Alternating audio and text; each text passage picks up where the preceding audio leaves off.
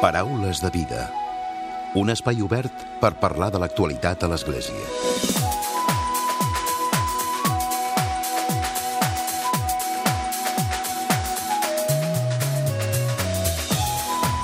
Què tal? Salutacions i molt bon dia, molt bon diumenge. Avui ens acompanya el Paraules de Vida la monja Sor Lucía Caram. Diuen d'ella, i així es pot llegir el seu perfil a les xarxes socials, que és una monja inquieta i inquietant. Intenta ser feliç i fer també feliç als altres i lluita també de manera incansable pels drets de la infància. Des de fa temps ho fa a través del projecte Invulnerables de lluita contra la pobresa en general, un projecte que es fa en diferents indrets de Catalunya i en el qual estan implicats tant l'obra social La Caixa, la Fundació del Barça, el Departament de Benestar Social i Família de la Generalitat i la Fundació Rosa Oriol. Precisament, Sor Lucía Caram és la representant d'aquesta fundació i la cara visible dels invulnerables. En què consisteix aquesta iniciativa? A on es desenvolupa i a qui s'adreça concretament? Exactament. De seguida li ho preguntem a Sor Lucía Caram. De moment, però, podem dir que el projecte el que vol és sumar esforços en la lluita contra la pobresa infantil, una trista realitat, una xacra que ens afecta i que vivim molt a prop nostra.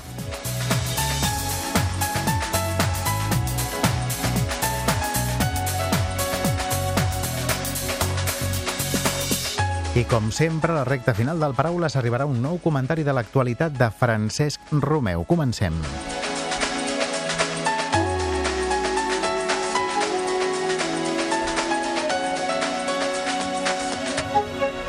Sor Lucía, bon dia i benvinguda novament al Paraules de Vida.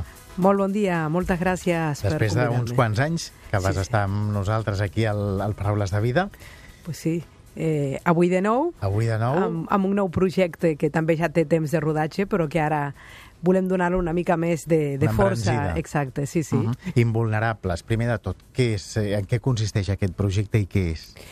Invulnerables és un projecte que neix de la preocupació de que en el nostre país la pobresa té rostre de nen, té rostre de nen i, i rostre de dona. Eh, la crisi és el que més els ha afectat. I els més vulnerables de la nostra societat són precisament els nens. Eh, parlar de pobresa infantil és parlar d'un de cada tres nens que estan en risc d'exclusió social. I darrere de cada nen hi ha una família que està en situació de pobresa. Per tant, Invulnerables és un projecte en el que volem treballar pels nens, però treballar per i amb la família, per una cosa que s'ha dit moltes vegades i és per trencar el cercle de la pobresa hereditària. Això ens està dient que un nen que avui neix en una família pobre té tots els números per ser pobre tota la seva vida. Per tant, és trencar el cercle de la pobresa hereditària i com ho farem? Donant igualtat d'oportunitats. Clar, eh, els recursos que hi ha des de l'administració i des de estan mal administrats, temes polítics, discutirem el que sigui. De moment, mm, hem de buscar com donar igualtat d'oportunitat. Que La, els la nens- realitat és aquesta i, per tant, s'ha de fer alguna cosa, no? Exacte. Per tant, és el tema de buscar la col·laboració público-privada per donar aquesta igualtat d'oportunitats. Jo crec que és el que està en l'ADN d'aquest país, precisament. El que la gent es pregunta amb el que jo tinc, què és el que puc fer perquè algú estigui millor, no? Clar, a mi tot el tema aquest de la pobresa infantil, constatant-la en el Banc d'Aliment de la Fundació, que per cert ha canviat de nom, ara es diu Fundació del Convent de Santa Clara, ha tornat al convent, Al a principi del segle XIII era un convent de clarisses, eh, van venir després les dominiques i ara torna a dir-se Fundació del Convent de Santa Clara i està precisament al costat o dintre del mateix convent hem fet, amb el suport de l'obra social La Caixa, la Casa Francesc d'Assís, que és la Casa de la Infància. Aquesta casa que el papa francès li ha posat el nom, Espai Caixa Francesc d'Assís, des d'on coordinem el programa Invulnerables que està en 11 llocs de Catalunya i aviat estarà en altres llocs més. No? Uh -huh. Què és el que volem amb Invulnerables? Que tots els nens siguin nens, que puguin gaudir d'una vida que els mereixi la pena ser viscuda, i tenim clar de que la pobresa en els nens no pot esperar, no? La Gabriela Mistral diu, per als nens el futur és avui, demà ja és massa tard. Si un nen no menja tres cops al dia, evidentment el seu cervell, el seu cos, li passarà factura, serà fracàs escolar i no només no podrà gaudir de la seva infància, sinó que eh, no podrà ser jo que vulgui ser o que pugui arribar a ser. No? Per tant, és un programa en el que treballem amb la família, treballem en xarxa, hem escollit eh, uns territoris on els indicadors de pobresa ens, eh, ens estaven indicant que l'impacte era més fort. Són, I... Estan repartits per Catalunya, no?, les diferents poblacions. Eh, sí, estem en, per exemple, Lloret de Mar, Figueres, Manlleu, Tortosa, eh, Manresa, eh, ara començat també en Banyola, Lleida, eh, bueno, pues en llocs on hi ha un impacte fort de la pobresa. Entonces, en cada lloc és el que fem. Partim de la base, que jo crec que en aquest sentit hem d'agrair l'obra social ha fet una aposta perquè ha cregut en aquest projecte, en el que partim d'uns recursos, una cartera de Caixa Pro Infància, més el programa Incorpora, més tot això que siguem capaços d'aconseguir. No? Entonces, aquesta cartera de recursos és per dotar a 50 famílies d'això que necessiten a nivell de salut, eh, lleure i educació. Tot l'altre ho anem a buscar. No? Entonces, fem un pla de treball en cada territori per donar a la gent no el que tenim, sinó el que necessiten. I amb aquest plan de treball, pues, el que fem és eh, posar a l'administració, serveis socials, ensenyament, eh, salut, eh, universitat, eh, em, empresaris, bueno, pues diversos agents i també les entitats del tercer sector. I ahí és el que, lo que tantes vegades m'heu sentit dir, no? que, bueno, pues que demano a tot Déu, no? i anem a demanar a tot Déu en cada territori. No? És a dir, o sea, la implicació és... del, dels principals agents, no? Dels principals i també del, de, de, de, de, la, de la bona voluntat de la gent. Jo sempre dic que ningú és tan pobre com per no poder donar una mica de temps, eh, com per no poder eh, ajudar en una beca. Eh, avui diem igualtat d'oportunitats. Bueno, pues els nens avui haurien d'aprendre anglès, no? Per exemple, bueno, pues, eh, aconseguim que les escoles d'idioma pues, ens puguin becar els nens, Eh, el tema de l'esport és un factor d'inclusió molt important, que els nens facin esport no en un club on estiguin ells només, sinó els repartin en diversos clubs. Entonces, així tothom que es demana això que puc fer, no tinc temps, bueno, pues alguns amb diners, altres amb recursos, hem organitzat també dentistes, oftalmòlegs, professionals que ens van donant eh, bueno, pues el que saben i el que tenen i el seu temps per garantir aquesta igualtat d'oportunitat. Què és el que estem fent en aquest moment? Els resultats són espectaculars, els pares s'estan implicant, eh, eh, eh, en xarxa és fonamental. Hi ha un pas més. Eh, el, la pobresa infantil és l'assignatura pendent. Els nens no voten eh, ningú els té present. Eh, sempre anem deixant la situació de la pobresa. Abans de la crisi ja hi havia una situació que impactava molt fort en la, en, en la infància. Però no sortia, no?, als mitjans. No, no, no sortia fins que es van publicar els primers informes fa uns vuit anys on parlava de que Espanya era la tercera en pobresa infantil a nivell eh, a, a tota Europa, no? Clar, però t'explicaven que això venia de ja de fa anys, no? Amb la crisi que ha passat, això s'ha cronificat. El gran repte, i per això hem fet això del tren de la infància, que jo convido als oients que utilitzin el hashtag tren de la infància, és que el 2019 sigui l'any en el que posem en el centre de la nostra societat i en el centre de nostres polítiques eh, els nens. Per què? Perquè podem intentar canviar moltes coses, però és que ja arribem tard i la nostra societat no es pot veure privada del talent dels nostres nens. Seran clar, els nostres el futur, metges. Clar, clar, el futur. Jo penso que el món té futur perquè té present i el present... S'ha de cuidar el present. S'han de cuidar, evidentment, no? Per tant, bueno, són els que s'encarregaran del tema del canvi climàtic, seran els nostres metges, els que s'encarregaran de, bueno, pues d'aquest món que possiblement hem d'intentar deixar-lo una mica millor, no? Però perquè ells siguin els protagonistes. A mi m'agradaria que aquest any, per això hem fet un viatge, el programa va començar a Manresa, va sortir per un tren de ferrocarril de la Generalitat fins a plaça Espanya. Van anar pujant molta gent d'aquesta casa i cares conegudes del país. Que s'hi sumen al projecte. Que s'han sumat al projecte i la idea és que tots ens anem sumant i que tots ens sentim interpel·lats. No?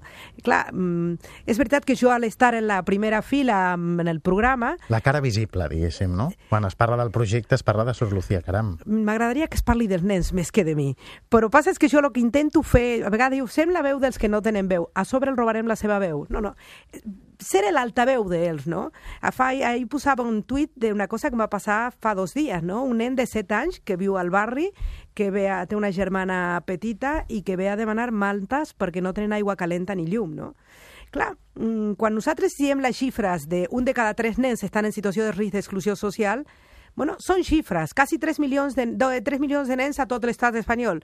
Són xifres però tenen rostres, que és un rostre dramàtic. Un nen que ve plorant amb un catarro a sobre, que ve a demanar-te una cosa que... Bueno, que... Entonces fas una crida de mantes i sobren perquè és una societat en la que ens sobra tot, però ens sobra mentre tenim alguns al costat que estan passant necessitat. Bé, volem passar d'això que era mal entès la caritat, que si l'entenem bé, la caritat és lo del començament de les primeres comunitats, en la que tots posem alguna cosa en comú perquè a ningú el falti.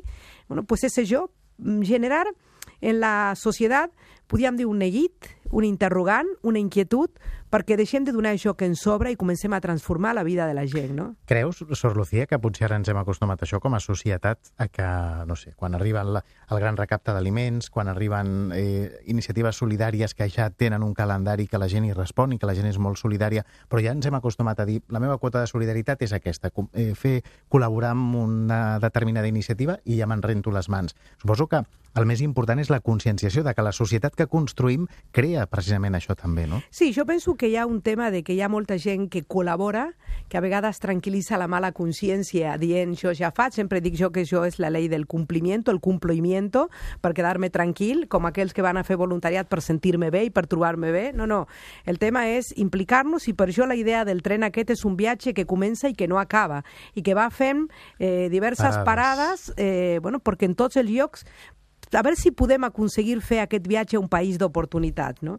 Per mi la font d'inspiració d'aquest programa i la col·laboració público-privada és el neguit que té Jesús, no? quan parla dels nens. Aquests són els preferits, no? i els posa en el centre. I després, quan està amb aquesta multitud de gent que el segueix, no? la multiplicació del pans i dels peixos que ens han explicat que era com un miracle. No? no, no, el tema és que ell té davant gent i quan una aixeca els ulls per pregar, com ho fa ell molt sovint, eh, es troba amb la realitat, no? L'únic camí que porta al cel és el de la terra, no? I quan ell aixeca els ulls per pregar al pare, es troba amb una multitud de gent i s'adona que aquesta gent té gana. I clar, i li diu als seus amics, podríem dir, els diu als cristians, no? Eh, trasladat avui, no? Pues tenen gana, no? Es, estan patint, no? I a mi que, que vagin a comprar, que ho faci un altre, que ho faci el govern, que per això ja paguem impostos. No, no, no, digues-li que seguin i doneu-les vosaltres de menjar, no? I ens van explicar que Jesús és com el mag Laris, que va... que el mag Laris és molt amic meu, me lo estimo molt, no? Que va traient menjar i donant a tothom. No, no, el tema és que és la pregunta que genera en cada un davant del sofriment dels altres, no? I tu què tens? I tu què tens? I tu què tens? I cada un es va preguntant i van posant en comú i diu l'Evangeli que va haver per tots i que a sobre va sobrar menjar aquell dia, no? Bueno, jo crec que és això, és l'essència de, de, de la nostra fe, no? El partir, el compartir i el repartir, no? Que és el missatge de Jesús abans Aquesta de marxar. hauria de ser l'essència, no? Que tots hauríem de tenir... Exacte, és el que volem. Assimilada. Per tant, per tant, jo penso que com que no tinc res a perdre i tinc un missatge, i tenim un missatge molt potent, durant tot aquest any 2009 que, començ, que comencem amb aquest 2019, viatge... d'aquí, sí, la setmana que ve. Exacte, començarem, per això estem escalfant motors, perquè durant tot l'any pensem donar la lata fins que tothom arribi a pujar per declarar la guerra a aquesta pobresa infantil. I avui pels oients del Paraules de Vida de Catalunya Ràdio que t'estiguin escoltant a la ràdio, que ho facin després també al podcast de Catalunya Ràdio, què els hi diries? O com poden, o segurament ja et coneixen perquè ets una persona molt coneguda, Sor Lucía, però si volen col·laborar, com ho poden fer? Poden entrar, teniu pàgina web i el projecte explicat? Jo penso que una, estem acabant la pàgina web, la posarem aquesta setmana, o sigui que podran entrar este, la setmana que ve, eh, invulnerables.org, podran entrar, invulnerables.cat. De totes maneres, hi ha un YouTube eh, també d'Invulnerables, que ahí estan els vídeos, està també el del tren de la infància, si posen el hashtag el sortirà. Jo crec que el més important és els que estan presents a les xarxes socials, que siguin capaços de fer algun tipus de reflexió o frases que despertin les consciències i que conviden a que cada un es pregunti amb el que jo tinc què és el que puc fer en el meu entorn per ajudar algú. No?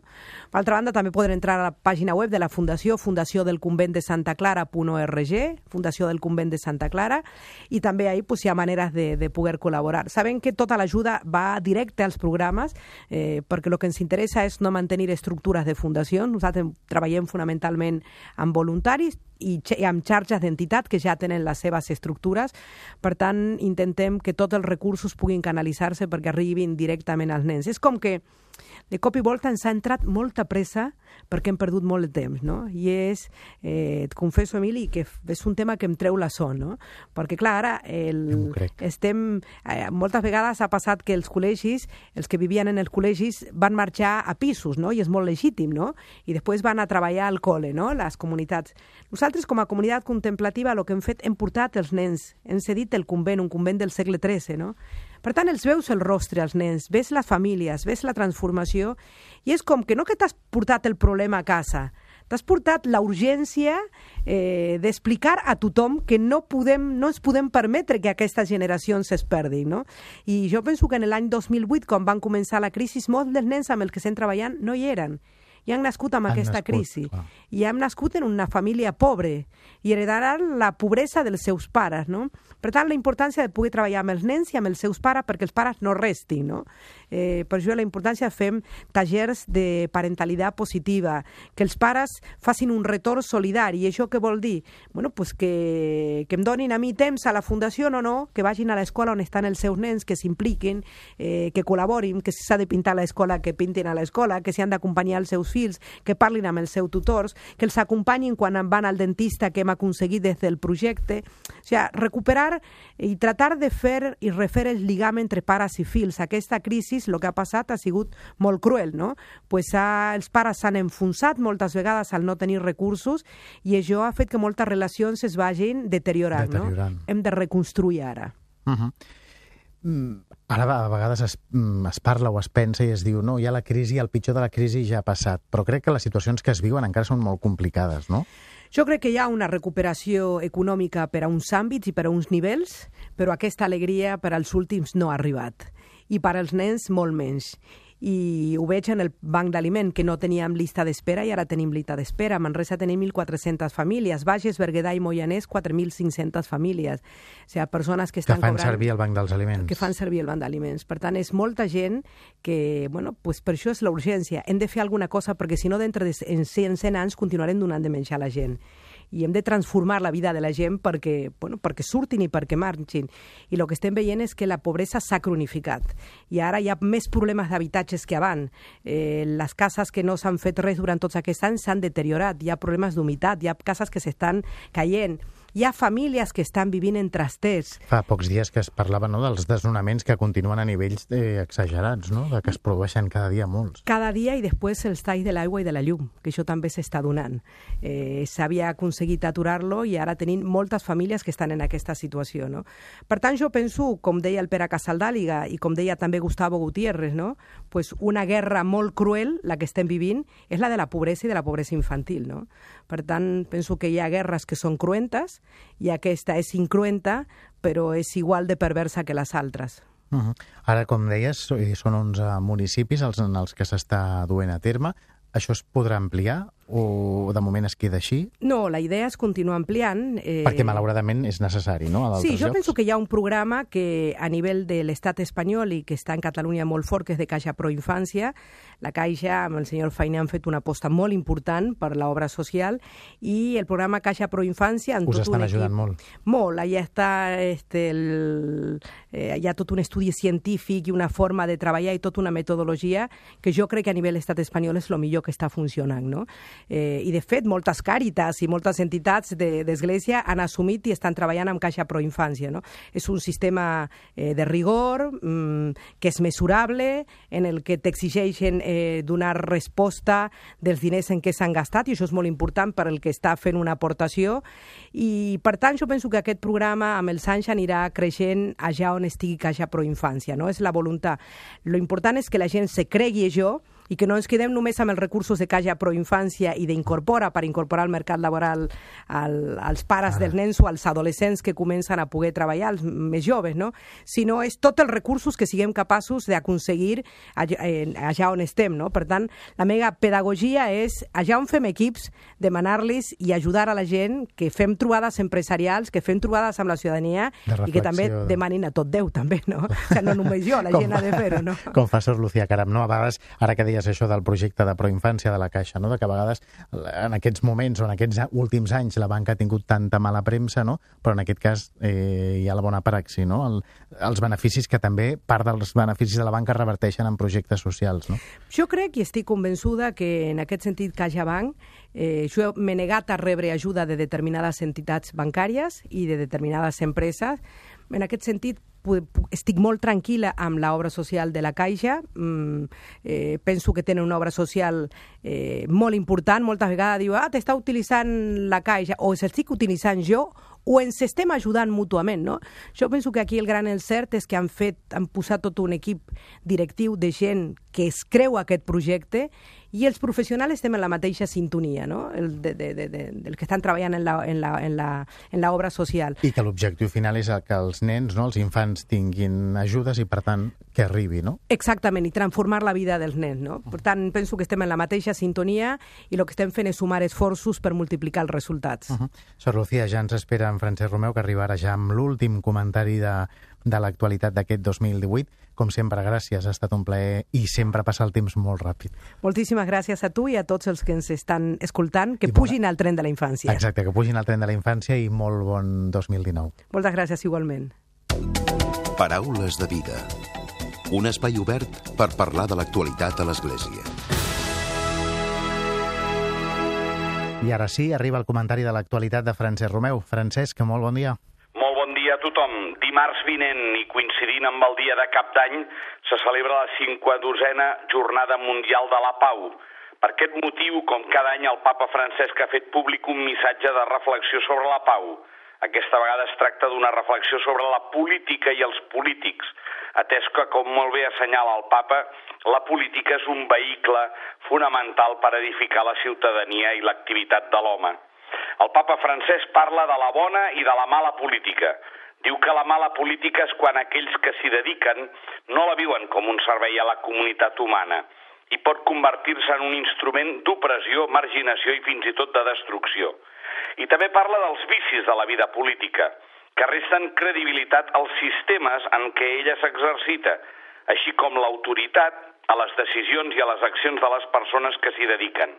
Aquests vicis, que afableixen l'ideal d'una democràcia autèntica, són la vergonya de la vida pública i posen en perill la pau social, la corrupció en les seves múltiples formes d'apropiació inadequada dels béns públics o d'aprofitament de les persones, la negació del dret, l'incompliment de les normes comunitàries, l'enriquiment il·legal, la justificació del poder mitjançant la força o amb el pretext arbitrari de la raó d'estat, la tendència a perpetuar-se en el poder, la xenofòbia i el racisme, el rebuig a tenir cura de la terra, l'explotació il·limitada dels recursos naturals per un benefici immediat, el menyspreu dels qui s'han vist obligats a anar a l'exili.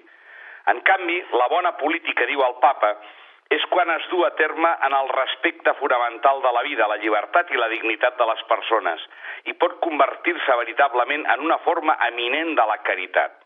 La bona política està al servei de la pau, respecta i promou els drets humans fonamentals que són igualment deures recíprocs de manera que es pot teixir un vincle de confiança i gratitud entre les generacions presents i futures.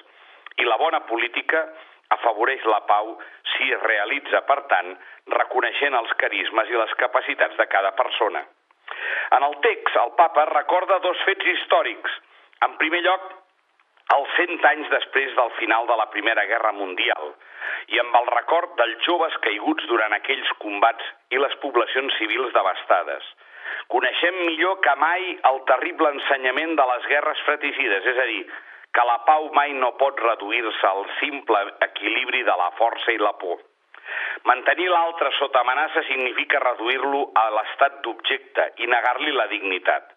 És la raó per la qual reafirmem que l'escalada de la intimidació, així com la proliferació incontrolada de les armes, són contràries a la moral i a la recerca d'una veritable concòrdia.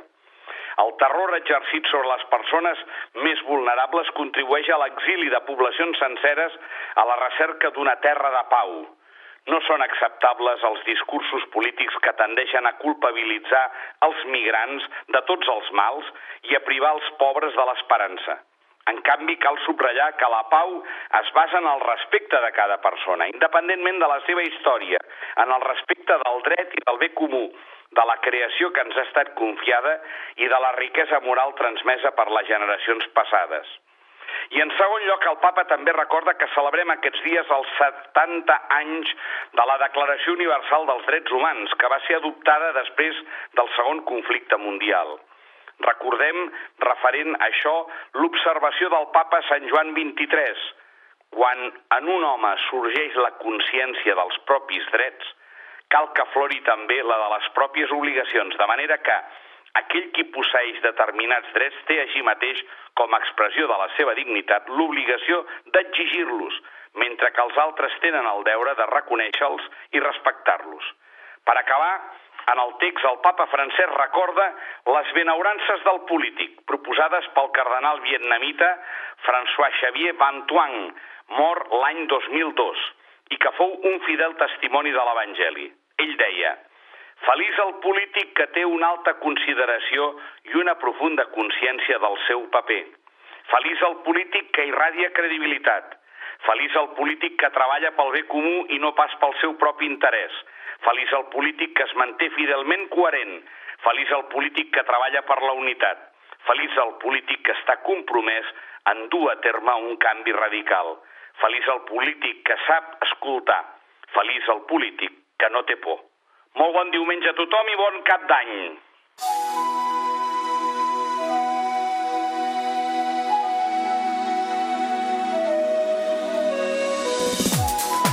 Fins aquí l'últim Paraules de Vida del 2018. Us esperem la propera setmana. En Josep Maria Marçà ha estat el control tècnic i qui us ha parlat, l'Emili Pacheco.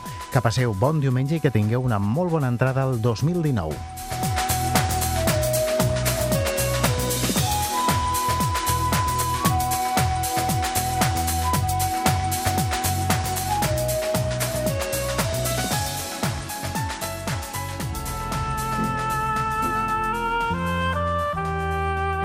Us oferim la carta dominical de l'arcabisbe de Barcelona, Joan Josep Omella.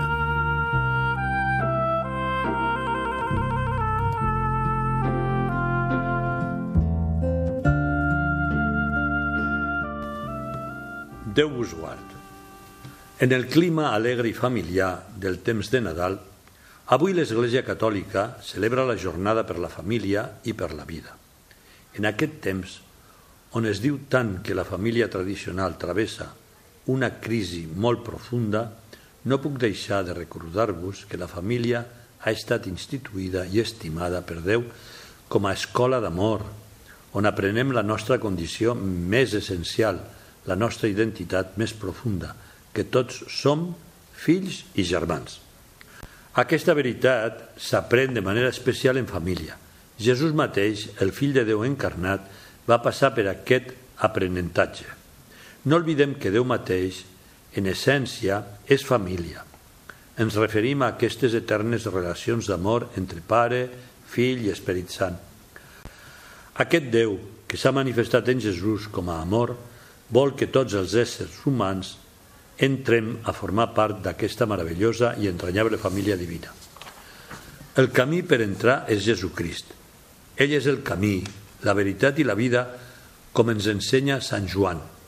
Per tant, de la mà de Jesús, aprendrem a ser família de tothom per així poder entrar algun dia a la llar de la família eterna. Pot ser que la família tradicional sigui criticada o qüestionada per algunes ideologies, però no hi ha dubte que continua sent i serà un anel fonamental del cor humà. Ni la família ni l'Evangeli han deixat ni deixaran mai de ser importants perquè l'ésser humà, fet a imatge i semblança de Déu, per ser ell mateix, per ser autèntic i feliç, necessita ser també en família com Déu és família. La família, com us he dit abans, és escola d'amor, imprescindible per aprendre a ser fill i germà, escola que ens prepara per després transcendir els llaços de sang i poder veure tota la humanitat com la gran família dels fills de Déu. Aquest és el somni de Déu, que algun dia tots ens comportem com a membres d'una gran família de germans i germanes que estimen, units tots els pobles de la terra en, una fraternal, en un fraternal banquet, del qual és expressió l'Eucaristia, taula fraterna habitual de la família cristiana. El papa Francesc, aquest any, en la trobada mundial de famílies de Dublín, ens ha recordat que Déu santifica i salva els homes no aïlladament, sense cap connexió dels uns amb els altres, sinó constituint un poble. Cal que més que mai la societat deixi al marge prejudicis ideològics i redescobreixi novament el gran valor de la família com a escola ideal per aprendre a ser persona, a ser fill i germà, per aprendre a estimar els altres i Déu. Pares i mares, recordeu que no esteu sols en aquesta gran missió. Benvolguts germans i germanes, que Maria, Josep i el nen Jesús siguen llum per a tantes famílies que anhelen la pau, l'amor i l'alegria que irradia el portal de la misericòrdia i de la solidaritat que contemplem a Betlem. Us hem ofert la carta dominical de l'arcabisbe de Barcelona, Joan Josep Omella.